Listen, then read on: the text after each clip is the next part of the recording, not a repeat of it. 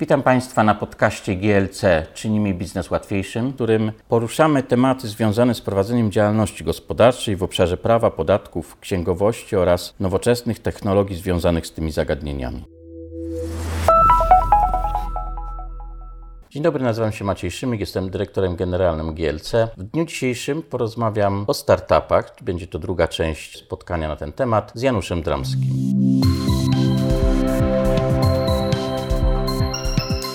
Postanowiliśmy również zapraszać do naszych rozmów osoby, specjalistów w różnych zakresach poza firmy, żebyście Państwo mogli poznać zdanie czy skorzystać z wiedzy, które te osoby posiadają. Janusz jest osobą, która no chyba już parę dobrych lat styka się ze startupami w różny sposób i w Izbie Gospodarczej, i w różnych firmach, które wspierają startupy. Czyli mam rozumieć, że wiedza w tym zakresie nie jest ci psa. Absolutnie nie. Bardzo się cieszę. Powiedz w takim razie, bo już w poprzednim odcinku próbowaliśmy troszeczkę zdefiniować pojęcie startupów, także teraz Ty mi odpowiedz na to pytanie, czym jest startup i jakiego rodzaju firmy w Polsce określamy w ten sposób i czy w ogóle pojawiło się jakaś formalna definicja tego typu działalności. Jeśli chodzi o taką sformalizowaną definicję ustawową, byśmy powiedzieli, tego na razie według mojej wiedzy w polskim ustawodawstwie nie ma. Nie ma chyba też w europejskim. Chyba, że będziemy mówili o różnego rodzaju przepisach, które wdrażają różnego rodzaju narzędzia pomocowe dla startupów wynikające z funduszy unijnych. Ja też tak szeroko do tego podchodzę, bo na przykład takie narzędzia pomocowe też są wdrażane w Polsce przez instytucje rządowe i tak dalej, idąc tą całą ścieżką tam, wdrażania. to określenie się pojawia. Tam się pojawiają różnego rodzaju definicje mm, startupu, natomiast myślę sobie, że firmy, która tak de facto jest w większości młodą firmą, najczęściej jest młodą firmą firmą, która poszukuje swojego modelu biznesowego, która wykorzystuje do swojego modelu biznesowego technologie, nowoczesne technologie. Te technologie mogą być różne. Ja również skłaniam się do tego, żeby mówić o startupach w kontekście zarówno rozwiązań software'owych, jak i hardware'owych, ale przede wszystkim o startupie myślę wtedy, kiedy to jest taki model, który da się skalować. E, mówiąc krótko, da się go tutaj, stąd na przykład z Katowic, przy wsparciu i współpracy z różnymi partnerami na miejscu sprzedawać swój produkt nie tylko w Polsce, ale międzynarodowo czy wręcz globalnie. Takie cechy nie są naturalne dla każdego rodzaju działalności,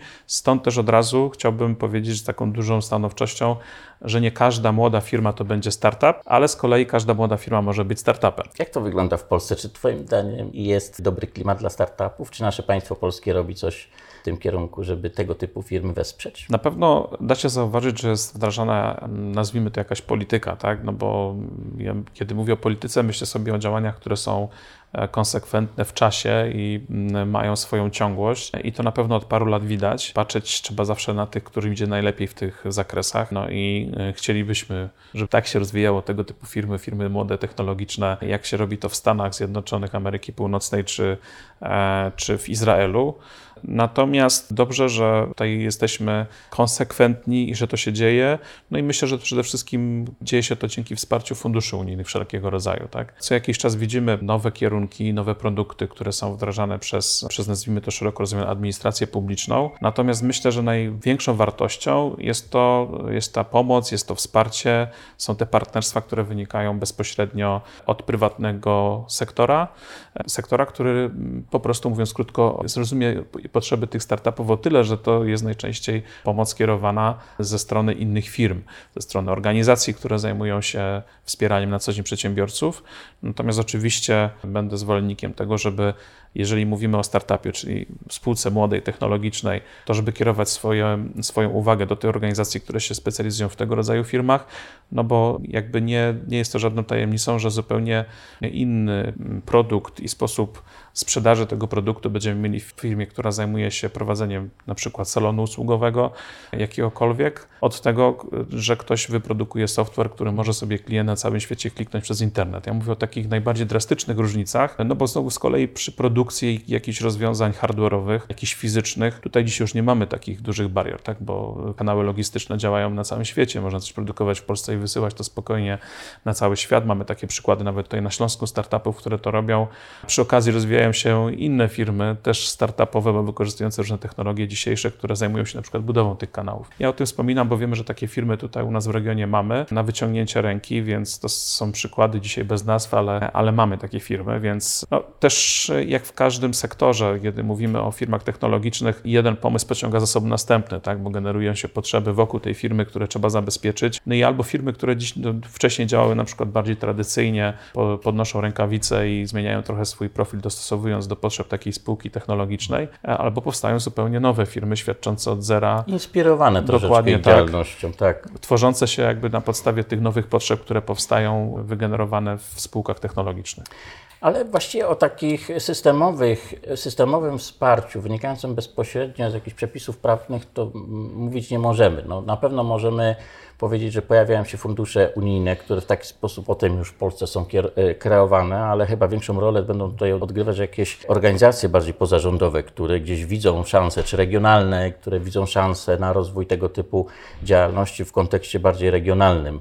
No i oczywiście firmy, które wspierają, a które gdzieś widzą też jakiś swój biznes w tym, bo nie czarujmy się, no to jest kwestia pieniędzy i i jeżeli jest jakieś wsparcie, to bardzo często dlatego, że ktoś w przyszłości widzi w tym jakiś potencjał i również y, możliwość zarabiania pieniędzy. A powiedz mi, bo zapewne masz takie doświadczenia, jak to za granicą wygląda. Wymienić Stany Zjednoczone, no, Izrael. I wydaje mi się, że są dobre przykłady, ale mógłbyś troszeczkę bardziej coś na ten temat powiedzieć? Jeśli chodzi o Stany Zjednoczone, to w ogóle myślę, że to jakby wiadomo jest powszechne, że to jest e, mekka startupowości na świecie i w ogóle idei prowadzenia firmy technologicznej, którą, która może obsługiwać klientów na całym świecie. Przykładów można by mnożyć, więc może to zostawmy w tym momencie, bo na co dzień pewnie się każdy z nas spotyka z tymi markami, chociażby, które powstały w Dolinie Krzemowej w Stanach. Natomiast jeżeli mówimy o Izraelu, dla mnie z Izraela jakby są takie dwie rzeczy, które bardzo mi utkwiły w pamięci i są dla mnie takimi modelowymi. Pierwsza rzecz to jest tworzenie e, sieci, można powiedzieć, zamawianych akceleratorów biznesu, gdzie prywatny biznes razem z rządem składa się na tworzenie takich akceleratorów w tematach, które uznają za strategiczne dla rozwoju, czyli na przykład jakiś food, food industry, e, czy trzeba by powiedzieć właściwie tech food industry, prawda, czy, czy jakieś inne jeszcze sektory medyczne, na przede wszystkim zbrojeniowe, oczywiście bezpieczeństwo to jest numer, numer, numer jeden w Izraelu, to ten model tworzenia takich wspólnych przedsięwzięć między, między prywatnym sektorem a, a sektorem publicznym funkcjonuje u nich bardzo dobrze, natomiast to też nie jest tak, że jeżeli powstaje akcelerator, to on przyjmuje każdego jak leci, tam jednak też, e, tak mówiąc kolokwialnie, prawda? No, ktoś to ocenia. Ktoś to ocenia i sam miałem być okazję rok temu jeszcze przed, przed restrykcjami pandemicznymi miałem okazję być gościem takiego akceleratora akurat z foodtecha, foodtechowego rynku, gdzie oni mówili, że w ciągu trzech lat działalności na e, około 800 aplikacji oni przyjęli do akceleracji chyba 30 projektów, z czego tam kilkanaście projektów było już po zakończonych procesach i z tego tylko jeden projekt doszedł do fazy, kiedy ten prywatny inwestor, który współuczestniczył w budowie tego akceleratora, zainwestował w produkcję, w postawienie nowej linii produkcyjnej pod to rozwiązanie, pod jakieś tam specjalne jogurty, przynajmniej tak zapamiętałem, że to chodziło o tego typu rzeczy, gdzie zostało to wprowadzone do sieci sprzedaży.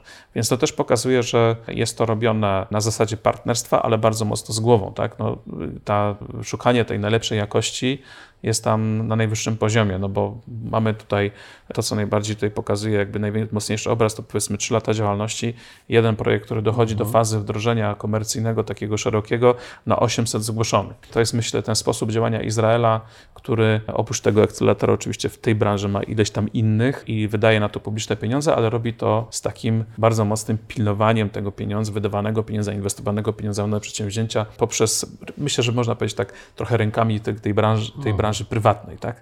Prywatny no inwestor no, pilnuje. Publiczno-prywatne. Tak? Każdy ma jakiś swój biznes w tym i wiadomo, że państwo, państwu powinno zależeć na tym, żeby się rozwijały firmy i przynosiły zyski w danym kraju, bo przecież z tego są podatki, z tego funkcjonuje państwo, a przy okazji może jeszcze ktoś zarobić i wydaje mi się to całkiem rozsądne. Dobrze. Yy, jeszcze bym, jeszcze tak? bym zwrócił na tą drugą rzecz uwagę.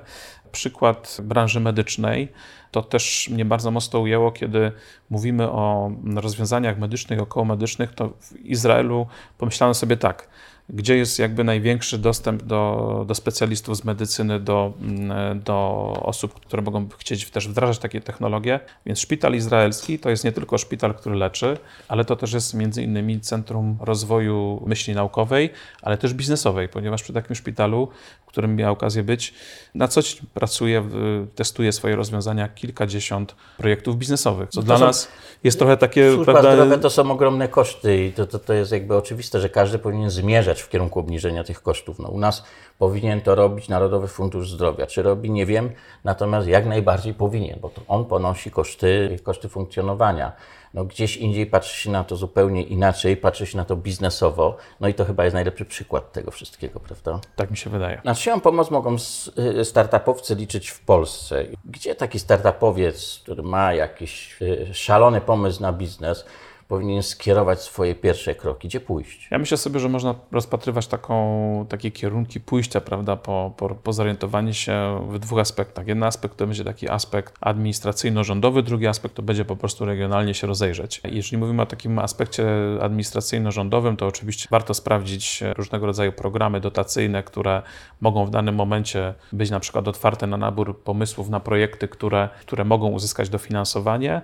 Są różnego rodzaju też programy realizowane realizowane przez Polski Fundusz Rozwoju, przykładowo, które są skierowane do startupów i pod kątem szkoleniowym, i pod kątem wiedzowym. Polski Fundusz Rozwoju też ma całe, kreuje całe gro funduszy inwestycyjnych. Więc w zależności, ja bym powiedział tak, od etapu rozwoju takiego startupa, warto sobie posprawdzać, czy coś dla nas w tym momencie jest dostępne w tej części.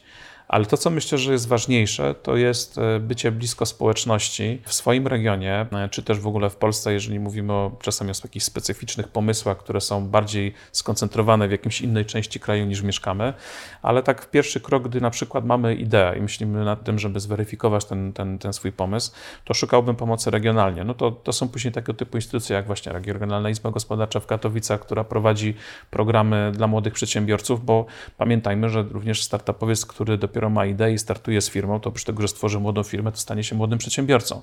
Więc jednocześnie, oprócz tego, że będzie oczywiście dostarczał produkty, rozwiązania, które są oparte o technologię, to z drugiej strony ciągle mamy do czynienia z firmą, którą obowiązują te same przepisy prawa, w sensie, że te same zasady funkcjonowania, tak? Przychody minus koszty musi się równać na plusie, tak? Mamy przepisy prawa podatkowego, mamy, musimy mieć księgowość, to, co, to co, czym się wy zajmujecie i specjalizujecie, prawda? Że to są, te rzeczy sobie trzeba też pozabezpieczać, aspekty prawne.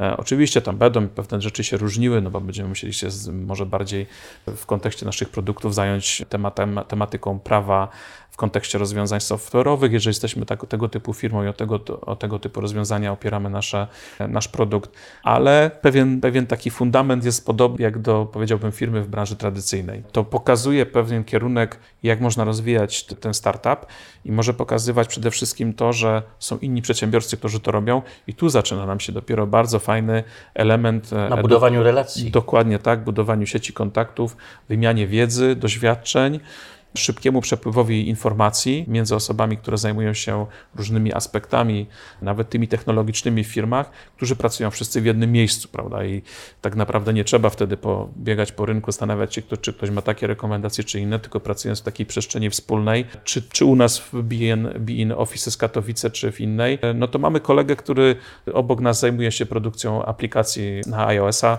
tu mamy kogoś, kto zajmuje się Androidem, tu mamy kogoś, kto zajmuje się e-marketingiem, tu mamy znowu z kolei kogoś, kto zajmuje się aspektami na przykład prawnymi. Oprócz tego mamy szereg partnerów, takich chociażby jak wasza właśnie firma, która dostarcza usługi księgowe, więc e, w takich miejscach myślę, że można łatwiej i szybciej wejść w tą rolę przedsiębiorcy, e, szczególnie jeżeli mówimy o startupach. No dobrze, powiedziałeś już troszeczkę, a może tak y, jeszcze bardziej przybliż to, co w zasadzie oferujecie w tej chwili, czy to jest tylko i wyłącznie to, o czym powiedziałeś, czy to jest jeszcze coś, czy jakieś szkolenia, jakieś spotkania, jak to wygląda? Tutaj dotknąłeś bardzo takiego ważnego aspektu, takich miejsc jak nasze, na co warto zwrócić uwagę, prawda, czy, takie, czy tego typu rzeczy robi. No myśmy zawsze byli zdania, że Oprócz tego, że ktoś u nas przychodzi po to, żeby mieć biurko albo swój gabinet, w takiej formie, że nie musi się tym w ogóle zajmować, bo to my się tym zajmujemy, tak jak wy zajmujecie się księgowością, tak my zajmujemy się organizacją biura. W fajnym miejscu, prawda, w wysokim standardzie i jeszcze na, w takich elastycznych warunkach, że w sensie nie trzeba się wiązać umową na nie wiadomo jak długo, to, to bardzo ważny element to jest to właśnie tworzenie networkingu, tworzenie społeczności i przepływ wiedzy, ten naturalny między przedsiębiorcami, ale też ten moderowany. I teraz jakby my od zawsze kładliśmy nacisk na to, żeby moderować zarówno budowanie relacji między tymi przedsiębiorcami, więc do tego mieliśmy odpowiedni program, żeby ci przedsiębiorcy mogli spotkać się i porozmawiać na temat tego, co robią i bardziej formalnie, i mniej formalnie, ale też kładliśmy nacisk na to, żeby zapraszać różnego rodzaju gości, którzy jedni mieli dostarczać bardzo fachową, twardą wiedzę, Znowu się odniosę porównanie do takiej przykładowej, jaką wyniesiecie, a z drugiej strony byli to często goście, którzy mieli taki charakter motywacyjny, tak? czyli osoby, które już osiągnęły sukces w swoich firmach, czy wręcz je spieniężyły w postaci sprzedaży tych firm i zajmują się czymś nowym i czasem wchodziły w rolę mentorów, więc i takie rzeczy się zdarzały, że ci nasi eksperci zapraszani do tego naszego środowiska wchodzili w rolę ekspertów, mentorów, którzy włączali się w te nowe projekty, w te młodsze projekty, które były u nas umiejscowione. To, co myślę bardzo ważne, to sieć taka społeczności, która powstała przez te nasze lata działalności, na czym bardzo mi zależało od początku. To ta sieć, która przedsiębiorców, mentorów, inwestorów, do których dzisiaj, jeżeli przychodzi ktoś do nas i zaczyna po prostu od wynajęcia tego biurka i zaczynamy rozmawiać o jego biznesie, zaczynamy mówić, OK, a to w takim razie ty powinieneś się spotkać z tą osobą, ja się umówię tutaj na spotkanie, pójdź tutaj na spotkanie, porozmawiaj z tymi, a za przykład za pół roku będziemy realizować konkurs dla startupów, zaprosimy kilku inwestorów, pokaż twój pomysł, bo to może być fajne. Można Ciebie e, promować. Tak. Ciebie popromujemy, Ty zbierzesz, no, tam mogą być różne e, rzeczy realizowane na takim konkursie, jeżeli taki konkurs w naszej przestrzeni zrealizujemy, bo można zebrać feedback, można zdobyć inwestora, to jest chyba to, co jest takie najważniejsze przy takich rodzaju, przy takich występach, e, można mentora, partnera, ale myślę, że znowu tutaj też bardzo mocno wzmacniamy elementy linkowania między przedsiębiorcami. Jak zawsze relacje buduje się często też z czasem, to nie jest tak, że się kogoś spotka pierwszy raz, to od razu można e, wszystko tej osobie powiedzieć i mamy zaufanie do tej osoby na tyle, żeby odkrywać przed nią na przykład tajemnice naszej firmy.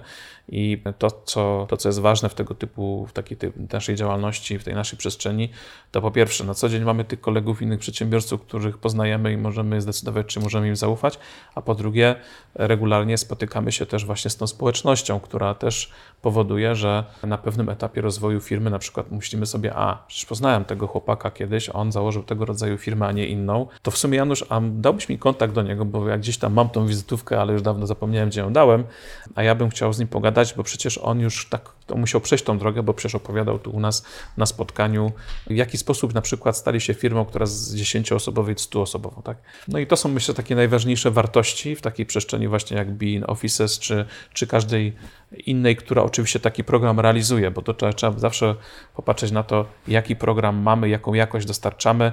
Tak jak wy w waszej działalności zwracacie uwagę na to, jaką jakość dostarczacie w obsłudze księgowej, tak samo my zwracamy uwagę na to, jaką jakość dostarczamy w tym naszym produkcie, gdzie no nie jest tylko miejsce do wynajmowania przestrzeni biurowej, tylko chcemy być czymś więcej, właśnie takim miejscem wspierania rozwoju przedsiębiorców, do tego jeszcze usieciowionego, bo ogólnopolskiego, czyli e, jest całkiem fajny potencjał. A zadałem się takie pytanie na koniec. Znasz takie przypadki, jakiś startup, który rzeczywiście w Polsce zaczął się rozwijać, ale generalnie wystartował gdzieś i wylądował w Dolinie Krzemowej albo gdzieś i tam de facto kontynuował ten swój rozwój?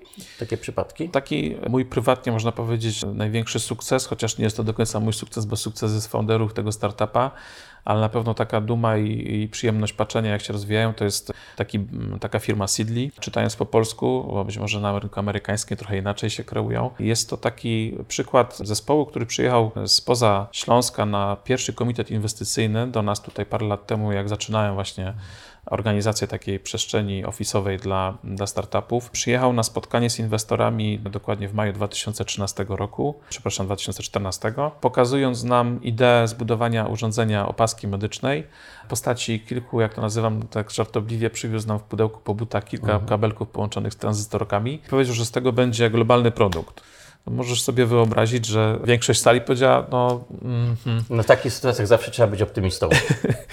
Natomiast znalazł się, znalazł się właśnie jeden człowiek, który powiedział: zaryzykujmy, dajmy im na zbudowanie MVP, takiego pierwszego modelu tego produktu, na to, żeby mogli go zacząć, żeby go wybudowali i wpuścili go na rynek, albo przynajmniej, żeby pokazywali go kolejnym inwestorom. No i okazało się to szczałem w dziesiątkę, ponieważ ta firma dzisiaj działa, operuje na rynkach globalnych, jest właśnie, sprzedaje w Stanach, sprzedaje w Europie, sprzedaje Czyli w Polsce. wszystko może się wydarzyć. Wszystko się może wydarzyć. To jest taki, tych przykładów oczywiście mamy więcej, e, które się dzieją, one się dzieją cały czas. I dzisiaj, tak jak wspomnieliśmy na początku naszej rozmowy, to jest już troszkę inaczej niż tam 10 lat temu, tak? kiedy tych organizacji było, e, czy w ogóle tych, tych miejsc, gdzie, o których taki młody przedsiębiorca, który ma pomysł na startup, mógł się zgłosić, było wiele mniej. Dzisiaj jest dużo więcej możliwości. Coraz więcej właśnie jest też tych możliwości prywatnych, gdzie to prywatny sektor organizuje się, dając pewne wartości. No tylko trzeba mądrze wybierać i, i, sprawdzić sobie tak naprawdę ten rynek, gdzie, gdzie możemy najwięcej zyskać, bo jeszcze nie mówiliśmy na przykład o takiej sytuacji, kiedy ma zupełnie jest świeży ktoś przedsiębiorcą i tylko ma ideę, albo jeszcze w ogóle nie jest przedsiębiorcą. Tak, tak. A do tego są, też są narzędzia, ale pewnie to na inny odcinek. Myślę, że innym razem y, na ten temat porozmawiamy.